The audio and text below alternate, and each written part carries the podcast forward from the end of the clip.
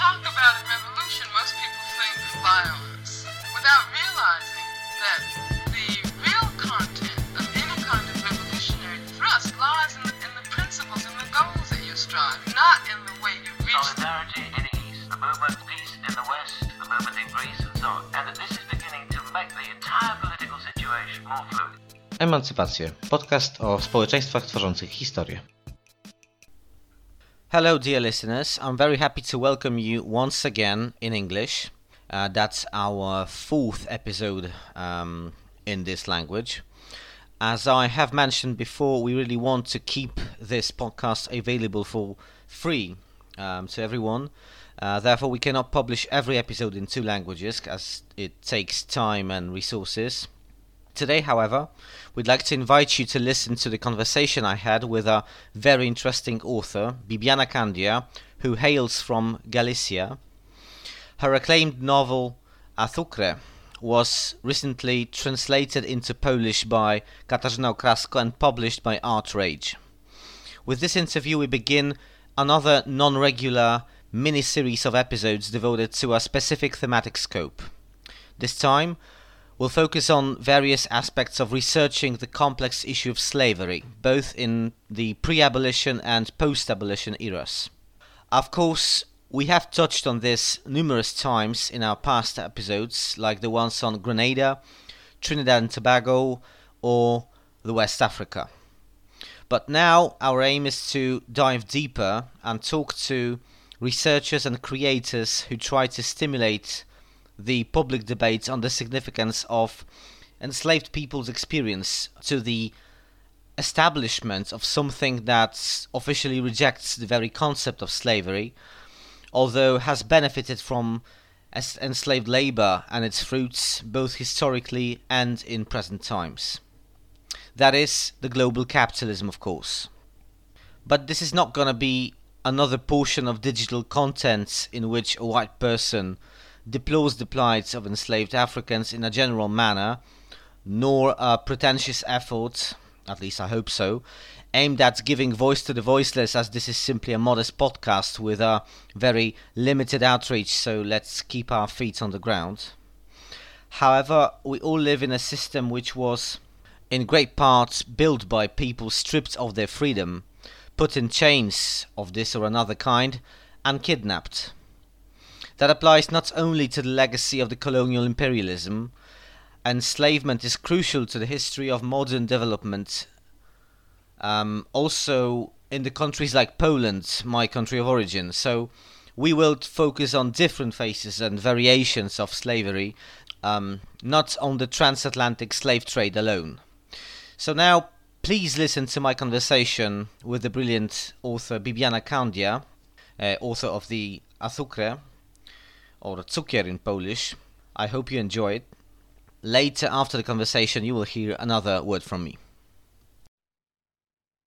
My guest today is Bibiana Candia, a Spanish writer, a Galician writer from um, from A Coruña originally, but now is in Berlin, I suppose. Am I right, Bibiana? No, actually, I'm living in Coruña. okay, I'm, back in Coruña. Okay. Yeah, I'm back. I'm back home, uh, but uh, since uh, two months ago. So okay, it's very recent. Yeah, it's very recent, but I'm I'm living in my hometown again. Great. Okay, so Bibiana is the author of a recent, recently published book, a book Azucre, which means uh, the title means sugar in Gallego uh, the Galician language. And um, as I learned just before our recording, uh, Polish uh, translation is the first one in an international language that was ever done. So um, that's all the more pleasant to have you here, Bibiana. Welcome to the show.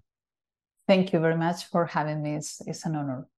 Bibiana is, um, apart from being a writer, she's a, a journalist who received many awards for, for her writing, mainly in Spain, of course. But today we're going to focus uh, on your book, Azucre. Mm-hmm. The Polish title is Cukier, of course. It was published by ArtRage and translated by Katarzyna Okrasko from Spanish into Polish. A brilliant translation, I guess. Yeah. Uh, I so. can I can read Spanish. I'm not able to hold a proper conversation, so that's why we talk in Oh. English today. But um, yeah, I, I believe I believe um, it's a really great translate translation work. But um, let me int- let me begin by briefly introducing your book to our listeners. Uh, it was not published in English, as I mentioned, uh, so I'm talking mainly to our Polish listeners. But that show, that, this show, as um, many others uh, from Emancypacje, will be available in two language versions. It's a very um, impressive book, a short but very intense, fact-based story of migrants from rural Galicia who had been lured to come to Cuba by a promise of large incomes and a brighter future on the Caribbean island, which was at that time, at that time, I mean, ni- late 19th century, one of the major hubs of um, world's sugar plantation industry and one of the most precious possessions of the rotting Spanish colonial empire. It's a splendid but a harrowing read as well. Uh, so, Bibiana, could you please tell uh, us what made you interested in this story, relatively, I guess, unknown to a wider global public? Well, thank you so much for your words. And um, first of all, I never thought that my first novel would be uh, like Azucre. Uh, sometimes I have the feeling that uh, the, Azucre chose me and not the other way around. It was Mm. very everything in the beginning was very casual. I discovered the story through a friend, and uh, she spoke to me about what she called the the story of the Galician slaves. And I quickly realized, even uh, when I was very skeptic at the beginning, um, this wasn't a hidden story. And there were documentaries in our public uh, television, there were documents online, and I even found uh, uh, the list uh, with the actual passengers of the of the ships that were taken to Cuba uh, to bring the people there. So uh, in a few days from my house, just with my computer in Berlin, because in that days I, I was living in Berlin, Mm-hmm. I discovered an incredible amount of information uh, confirming everything. Uh, everything that means that in 1853 there was an enterprise to send the Galician workers uh, to substitute the African slaves Hmm. slaves in the in the sugarcane fields uh, in Cuba, and uh, despite the fact that the contracts uh, said Galicians were free workers, they ended up working as slaves. you know. Mhm. And uh, when I got to this point and I realized everything was was was right and was true, um, what puzzled me uh, was how was possible that we Galician people knew nothing about this part of the history. Mhm. Uh, because we are very proud of our immigrant uh, tradition. And at the same time, we have a deep heritage of oral literature.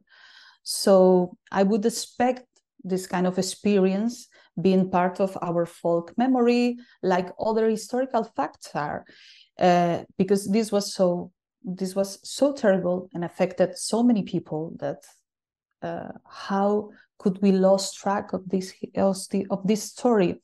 For me was absolutely incredible.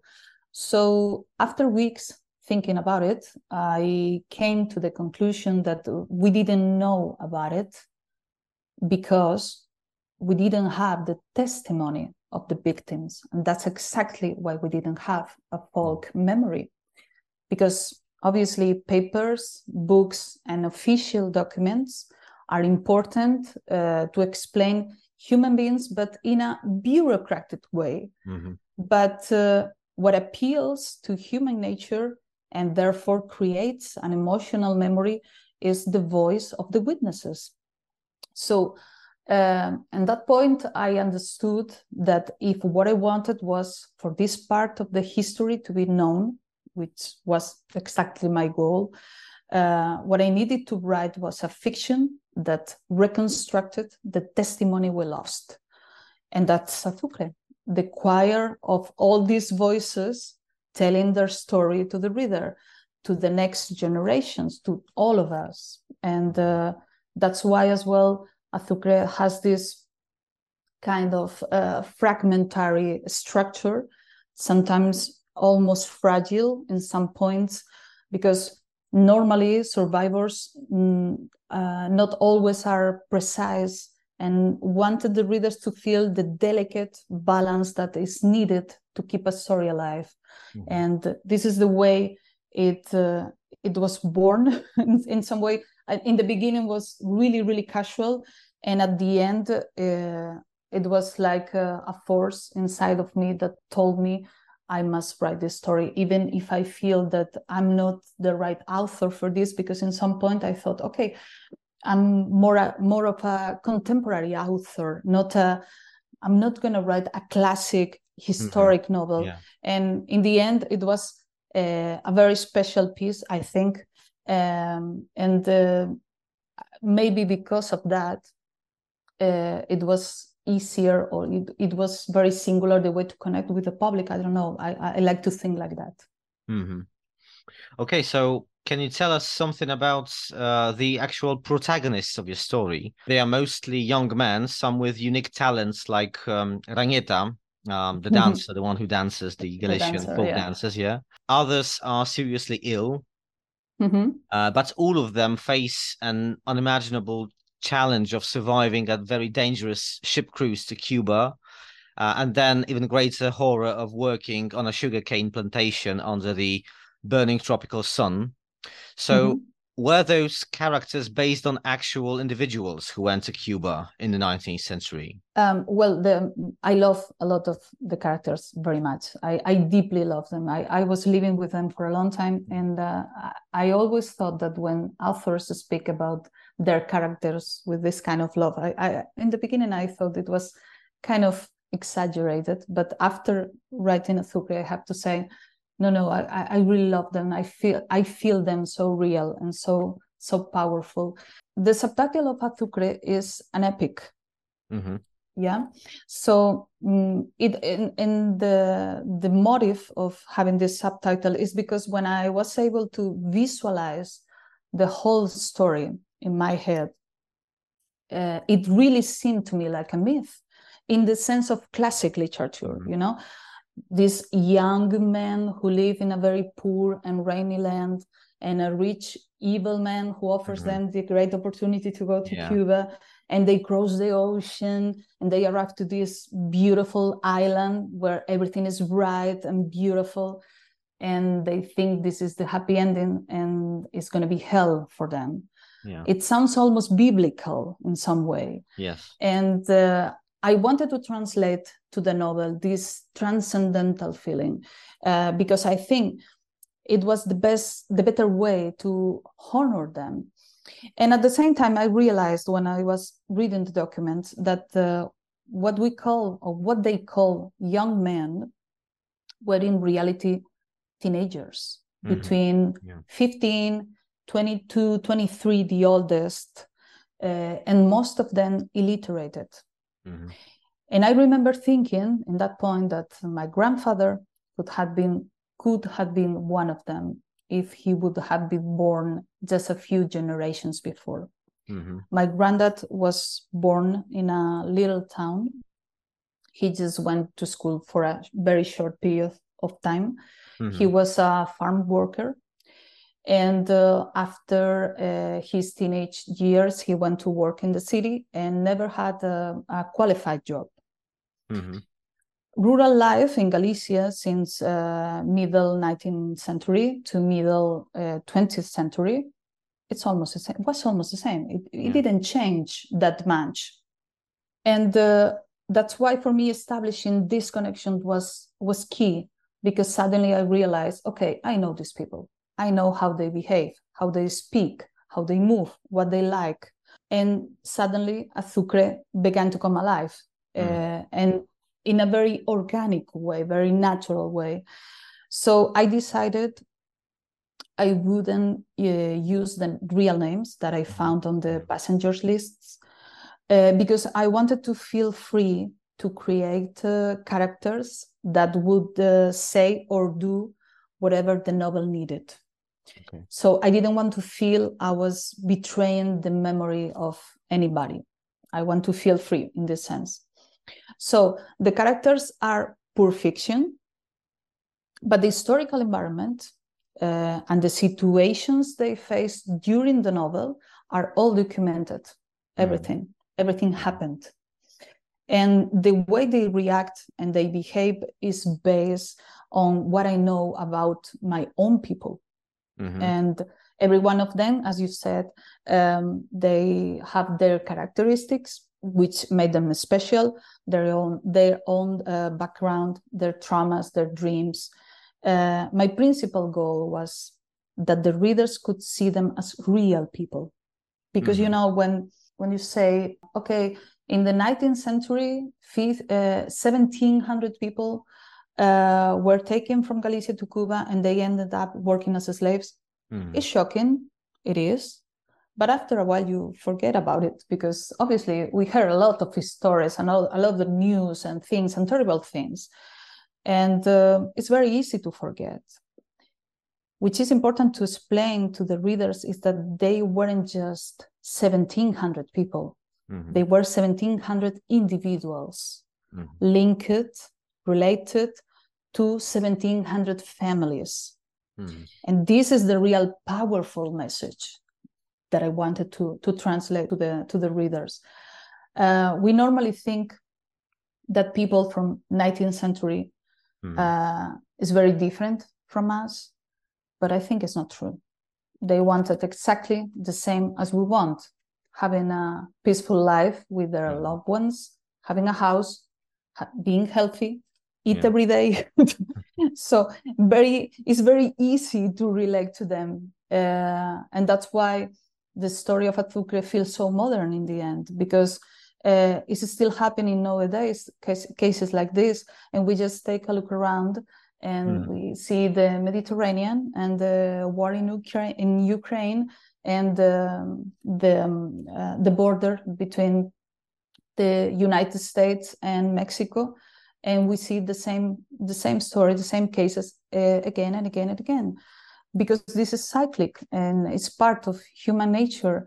Uh, there's always going to be desperate people looking for a better living conditions and sadly there's always going to be uh, people with no principles ready to take advantage of them. So so yeah these these characters they try to to reflect, let's say, the Galician identity as I mm. as I feel it and as I know it.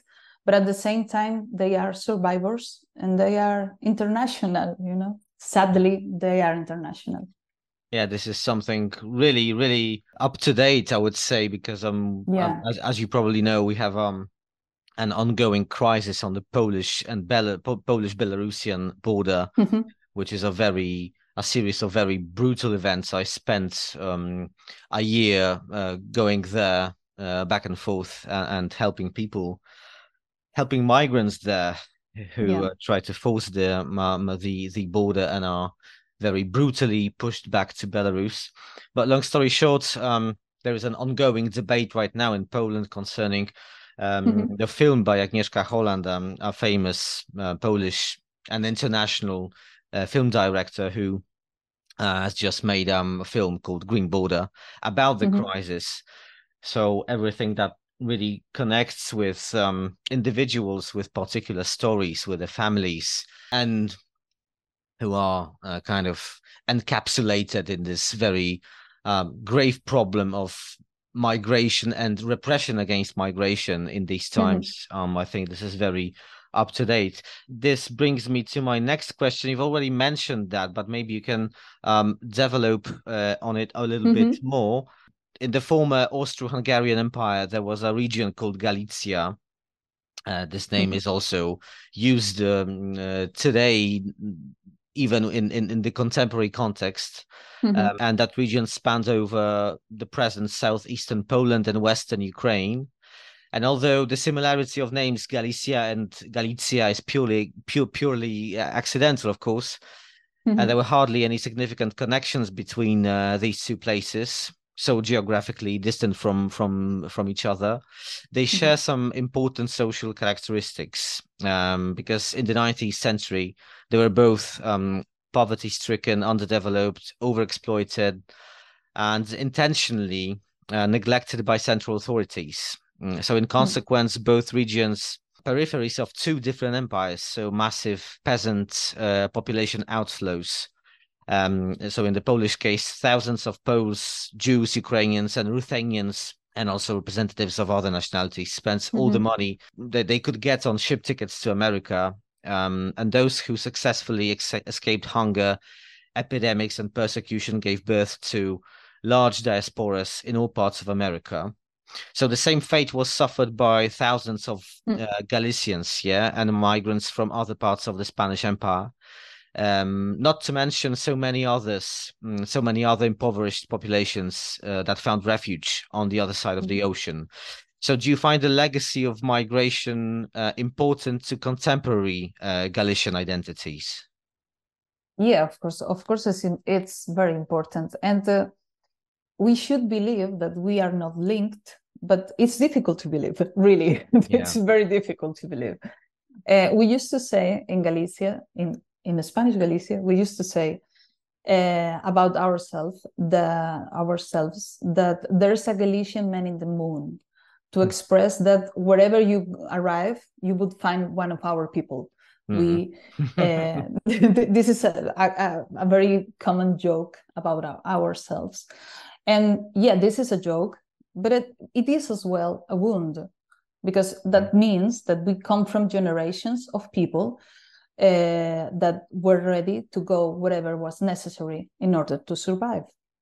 And this idea is so powerful and so deep that uh, it's impossible being the same after you realize the real meaning of carrying this with you in your memory.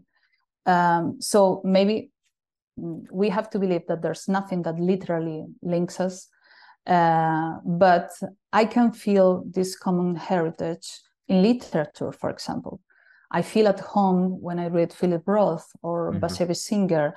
I feel I know them. I deeply understand what they are talking about. And I can even pick their sense of humor, which is mm. very, n- not very Spanish sense of humor, I, I have to say. And it's absolutely different and uh, and yeah and i feel at home. You know there's a sentence in azucre that in english would be surviving uh, makes us equal. And i truly believe mm-hmm. that. Uh, i think uh, being conscious of our own fragility during generations give us a perspective of life death and identity that uh, only those who live the same experience uh, can relate. Yeah. and it doesn't matter that we don't speak the same language. Uh, this is a feeling. It's it's it's deeper. And uh, and yeah i think this feeling that i felt as well and uh, before you you mentioned uh, Katarzyna Okrasko. I'm, I'm, I'm really grateful to mm-hmm. her job, her her skill, and her sensibility. Because when I when I read the the reviews of Polish uh, readers, mm-hmm. I feel that they connected with the story exactly in the same way mm. as we uh, here the, in this side we connected with it and uh, and yet this is the the magic of, of literature you know that we can yes. connect through uh, through a text which is translated um, by a professional and uh, and we feel the same thing so for me it's uh, this connection is even better than a um, I don't know uh, anthropologic connection mm-hmm. or uh, this kind of uh, official connection in, in Wikipedia. You know. Yes. Uh, Great. Um, so let, let me now switch to another another aspect of your book, um, mm-hmm. as this episode will be uh, one in a mini series of um, uh, episodes related to um, the cultural representations of different kinds of slavery in popular culture, not, but not only in popular culture. So, um, a significant part of that is researching the topic, which is a very mm-hmm. complex and very uh, difficult one. So, mm-hmm. um, protagonists of your story are used by the rich landlord and influential colonial politician Urbano Feijó Sotomayor mm-hmm. uh, to replace the African workforce, which was formally liberated from enslavement in 1886. Um, that is the year where the uh, slavery was officially abolished in Cuba. Therefore, we may classify the Galician immigrants as indentured workers. Yeah, a type Mhm. of contractual laborers who came to the Mm. plantation usually on their own will, but under extreme economic pressure, and agreed to work without proper mm, payment, but rather in, in order to repay a debt previously imposed on them. So there have been many variations of such relationship, once more violent and exploitative than others, but Mhm. they all share one particular feature. All are meant to fulfill landlords' demands for extremely cheap labor after the abolition of slavery. Mhm. Most of the newly made free workers were former slaves themselves. In Mhm. Azucre, you depict many types of social actors of the early post slavery world that is, Hmm. local Uncle Toms, communities of liberated slaves, cruel supervisors, and revolted workers. So, how did you conduct your research on these issues?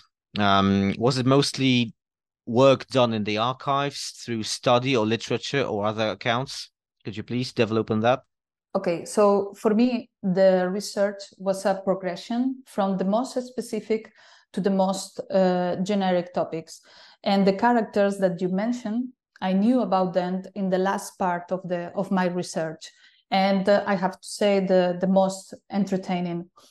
Uh, I was trying to find out uh, how was the day-to-day life in 19th century in Cuba and in Galicia and that was the most important part to create the atmosphere of, of the novel so it helped me a lot to read uh, the press of the time i read a lot of newspapers from spain and cuba and for example uh, the moment when galicians arrive to la habana and there's a reception and they are wearing their new uniforms Mm-hmm. i read about that in, in cuban press Mm-hmm. Um, I also found a lot of testimonies of travelers who were in Cuba during that period. And luckily for me, they were very good ones, very detail oriented. Uh, two of them in particular helped me a lot. The first one was from Fredrika Bremer.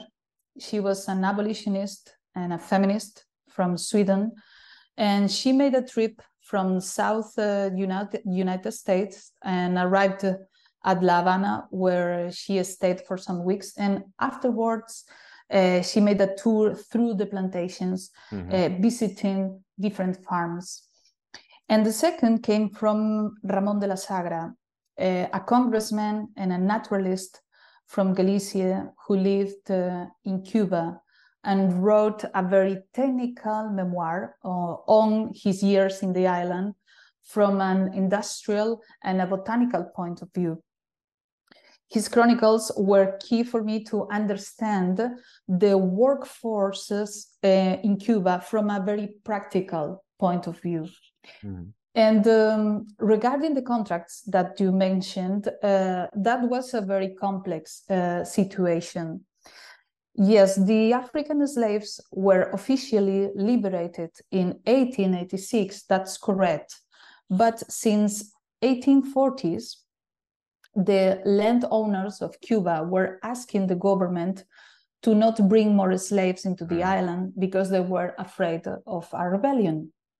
The problem was, on one hand, uh, that they were having a big imbalance between the enslaved population and the colonists, and that was a risk.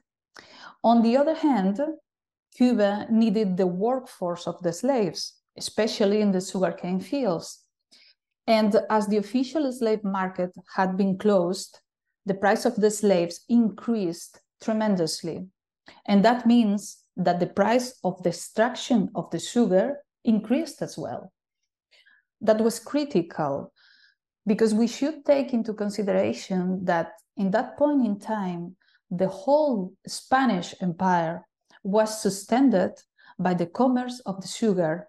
Mhm. And increasing the price of extraction meant to lose profit. Mhm.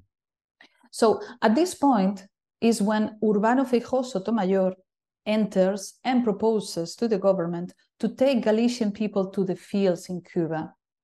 And I think it's very important to explain this chain of events because it gives us the certainty that the idea behind the whole enterprise was pure and absolutely economical. There was nothing philanthropic about it. Mm-hmm. And um, as we can see, uh, and, and we can see that since the very beginning in the contracts mm-hmm. uh, of the workers, where literally it says that the worker recognizes that his salary is lower than normal and he is okay mm. with it. And we should remember that almost every one of the workers were illiterate. Uh, that means they couldn't read the contract. Mm. So when they said uh, lower salary, they meant that Galicians uh, had a salary of five pesos when a slave was earning 25. And that was absolutely miserable. And we all agreed uh, since the beginning that slavery is mm. an abomination for the human being. What was happening in Cuba with the African slaves was an atrocity. And what these people did with this enterprise was to take a despicable practice as slavery and try to make it even worse for their own benefit. And I think it is important for us to see how economic profit can twist things and make them worse. Mm-hmm. So at the end of the day, if Galicians have contracts as free men, doesn't matter because they arrived to a place built for slaves and they just replaced them. So uh, they were called free men. We, we don't care about that because the facts were that they were working in the same conditions as the as the slave population and they cost less money. So a lot of them died. Some of them rebelled against the against the landowners and were brought to prison. Some escaped. Mm-hmm. It was a disaster and a scandal at the time because it was impossible to hide. So when finally the Spanish government discussed this question in the Congress, two things happened. And the first one, and this is a symptom of internalized uh, racism, yeah. Mm-hmm was that the scandal began only because in Cuba, an enterprise promoted by the government was enslaving Spanish white people. Mm. Now, let's take a, a, step back here because it was already an atrocity what was happening from a human point of view with African slaves. But for the populations at the time, Mm-hmm. The fact that this was happening with Galicians, with the Spanish people, that was the real atrocity for them. Mm-hmm. And the second, the second one, and this one was a positive note, was that there were abolitionists in the Spanish Congress at the time. So very quickly, the debate evolved from is it okay to enslave our population to is it okay to enslave people That's in general? Mm-hmm. So, for first time in, in history, the Spanish Congress had a discussion about slavery, colonialism, human rights, progress, etc. And some congressmen advocate the right of people to their freedom and their uh, and their physical integrity. They advocate the ending of slavery and that that's remarkable that was remarkable really and uh, abolitionism wasn't a popular outcry at the time. And what happened with the galician people pushed its its agenda. And i think it's important that we we mark that we we remember that. Have you en- encountered any testimonies of people who actually came back from from the plantations in cuba to galicia I mean, the people similar to to to your protagonists. Uh, I mean, those who experience those horrifying uh, conditions there. Of course, I know that that it's very. It, it's it, it's rather hard to expect that people in that situation um, mm-hmm. would have found uh, resources and opportunities to actually embark on a ship and and, and come back to uh, to Galicia. But um, are you aware of any um, situations, any experiences like that? No, I did not find any story like that. We know of some experiences because of some letters they are in the archive of the Spanish Congress in Madrid, but uh, access to them is restricted. Mm-hmm. I mentioned that in my novel. Uh, these letters were wrote and submitted as evidence in the case file. After Azucre uh, was published, I got the permit uh, to access to the case file, uh, and I could see these letters. They were only three, and they had very little details. They were just a desperate uh, crying for help, and they were heartbreaking. I found in this file, however, another very interesting document uh, because we know that the first Galician workers arrived to La Habana in March 1854. And uh, in October, the general captain of the island sent a letter to the government asking, literally, uh, to repress the insurrection and give living conditions to the Galician colonists. When this letter arrived to Spain, the government decided to send a person to investigate and report. And this report is in the case file. The real report is much worse uh, than is much worse than the fiction. Mhm. The reality is sadly always Yeah. uh, much worse. So the first thing we can confirm is that officially 1,744 people were sent to Cuba to work in this enterprise. And uh, by the end of Oc- October, six months later, uh, six months after the first ship arrived, 500 of them were dead, almost 30%. We have to add to this the people who escaped. They probably never knew uh, that they finally became free in 1855. And that leaves us with a little group of people at the end that probably, when all this nightmare ended, they just wanted to find a job, earn a living, and forget about all the Mhm. past. Uh, it's hard to speak about uh, the hardship that you went through, you went through, and uh, don't forget that it was a shame for your family if you come back home poor. Mhm. So probably the only ones who came back to Galicia were those who were successful and made lots of money. A person who came back to their hometown as a, as a rich as rich people wouldn't speak about this kind of experience. Of course, yeah. That's why I think in case there was any testimony, we lost it. So nowadays we can face this kind of events with maturity and a healthy distance. And uh, normally, when we speak about an empire, the first image that comes to mind is a conqueror or a king. Mhm. But I think it is important for us to look to our own history with distance, understanding that empires are always built on top of lives of poor people. Mm.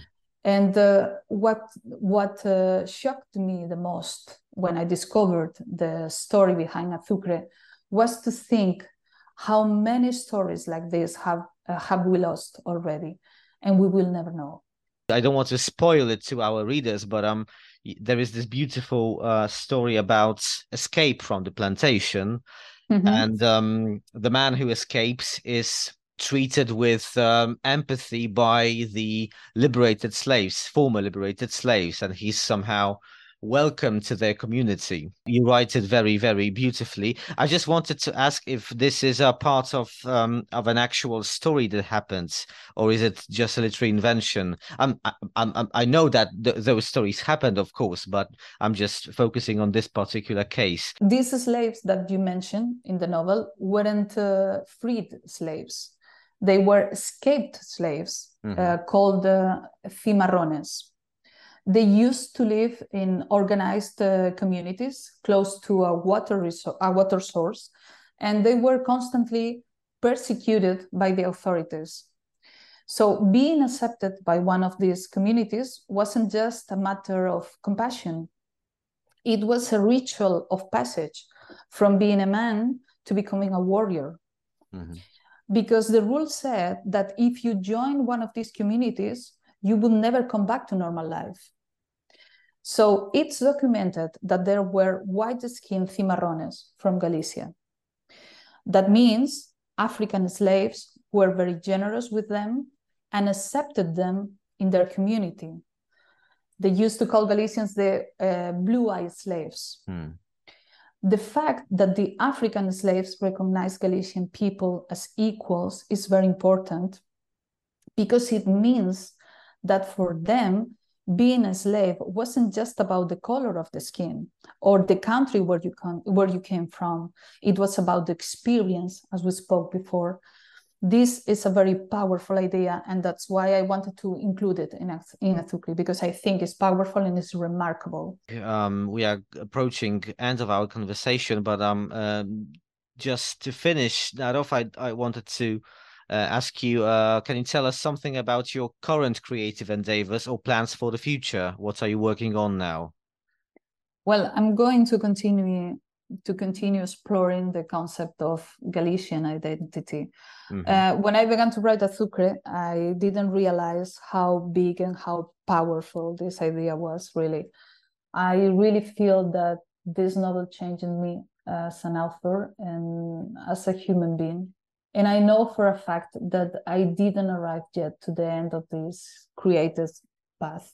Mm-hmm. So, yes, I'm working now on a new novel uh, and asking myself all these questions again about identity and culture and memory and politics and all that and and i'm enjoying every minute of it so i i really hope in in a time in maybe in a year we can sit down again and meet again and, and speak about it.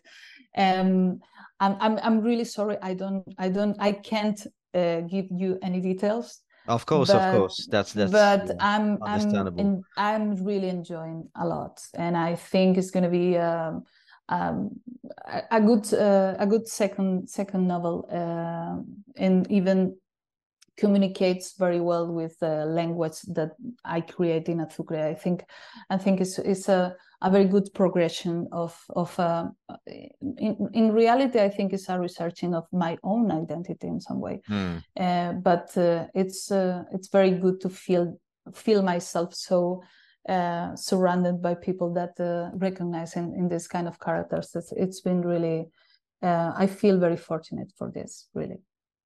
Great, thank you so much. I'd really like to. Lo- I'd, I'd really love to to have a conversation with you again on your next novel. So I'm awaiting this uh, yeah. impatiently. Uh, good luck with your work. Um, thank you so much for being our guest here um, today. Let me remind you that our guest was Bibiana Candia, the author of Azucre, titled in Polish uh, Cukier and in English Sugar. Uh, that was recently published by ArtRage and uh, translated by Katarzyna Okrasko. Hopefully, the book will come out in English soon. Hopefully, yeah. yeah. Uh, Bibiana, thank you so much for joining us today. It was really a pleasure. Thank you to you for this space, for this conversation. It was absolutely pleasure, and thank you very much for everybody who hears this podcast and uh, who's gonna uh, who is interested in this part of the of our history, which is vital to know to recognize and to recognize ourselves in it ourselves in it. Thank you thank very you so beautifully much. said. Thank you very much. Okay we almost reached the end of the episode. I hope you enjoyed uh, my conversation with bibiana. I know that her book is being translated or has already been translated to some other international let's say languages. So some of you may get your hands on a copy of this book in your native language, I believe. But before you go, I'd like to kindly ask you to consider giving me a positive review uh, on Apple Podcasts, on Spotify, or other places where Emancypacje Emancipations uh, might be available and where the opportunity to review what you hear um, is provided. That really helps to increase the visibility of the podcast, which in the age of algorithms and all that stuff is, of course, indispensable. We'd like to keep it free of charge um, to anyone. We'd like to keep our podcasts a bit DIY thing, so this way of supporting us um, is crucial. So please consider that. there is a lot new stuff coming up. Um, we'll be publishing several episodes uh, very soon. Also, uh, several ones in English. So be sure not to miss anything. Please give us a like on Facebook.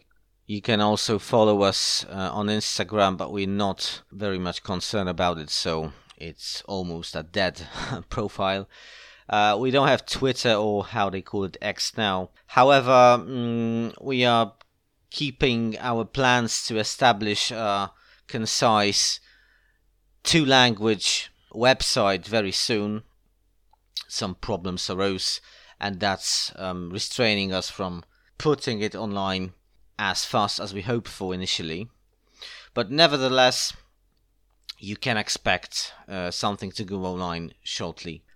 And yeah, it's all for now, but please stay with us for our future episodes. We'll be heading in uh, many different and interesting directions um, in the in the upcoming episodes. So yeah, I hope you like it. Okay, that's all for now. My name is Jacek Drozda, and that was the 41st episode of the Emancypacje slash Emancipations podcast.